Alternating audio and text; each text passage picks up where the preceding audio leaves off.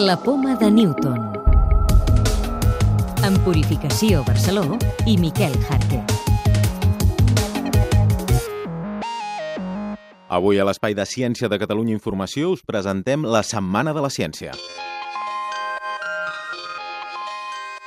És una oportunitat perquè la gent jove i la gent no tan jove puguin entrar en contacte amb la ciència, visitin centres de recerca, vegin instruments, vegin científics, estiguin a prop de la ciència.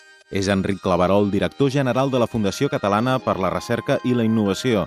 Aquesta entitat organitza la Setmana de la Ciència des de fa 17 anys. Aquest any a què està dedicada? Tres grans eixos temàtics, que són la neurociència, l'envelliment actiu i l'energia sostenible. Qui hi participarà? Hi ha un centenar d'institucions que organitzen aproximadament 300 activitats en 60 localitats de tot el país i en total mobilitzarem uns 180.000 assistents. Per tant, és un, és un exemple de col·laboració, un objectiu eh, comú de tota la societat. Activitats com aquesta que ens avança Laura Salia, coordinadora de l'ICP.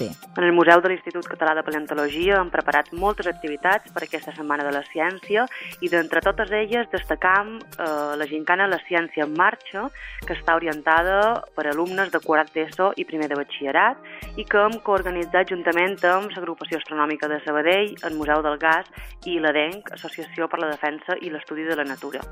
Qualsevol persona que s'hi vulgui apuntar s'ha d'inscriure a través d'aquesta adreça de correu electrònic reserves arroba icp.cat.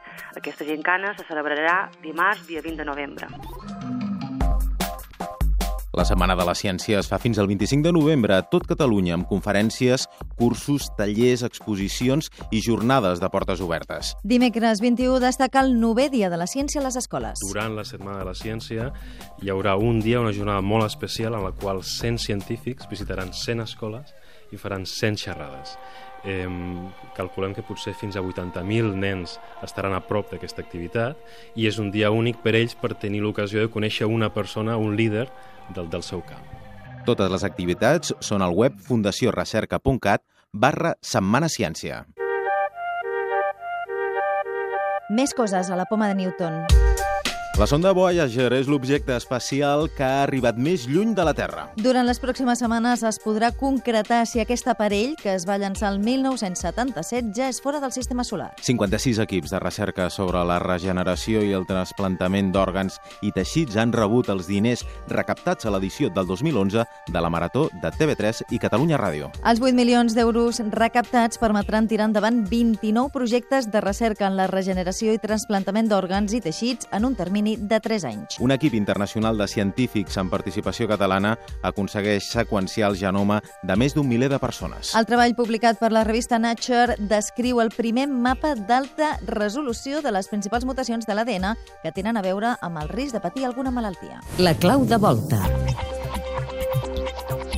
Per què quan buidem una pica a l'hemisferi sud l'aigua gira en sentit inversa com ho faria a l'hemisferi nord? Francesc Maurín, meteoròleg. Doncs bé, l'explicació d'aquesta aigua que entra el desaigua de l'aigüera de l'hemisferi nord i de l'hemisferi sud de forma circular, doncs està en el que anomenem la força de Coriolis. Passa exactament amb el vent. La teoria és que l'aigua anés recta cap al desaigua o que el vent vagi de les altes a les baixes pressions, també podríem dir, seguint una línia recta. Però la rotació de la Terra el que fa és desviar aquesta trajectòria. En un sentit a l'hemisferi nord, en l'altre sentit a l'hemisferi sud. De fet, si tinguéssim un tocadiscos d'aquells de vinil de tota la vida i agaféssim un disc que va girant i li tracéssim una línia recta o ho intentéssim com a mínim amb guix des del centre cap a l'exterior, veuríem com aquesta línia acaba descrivint un cercle, una circunferència, que és precisament aquest efecte de Coriolis de la rotació de la Terra.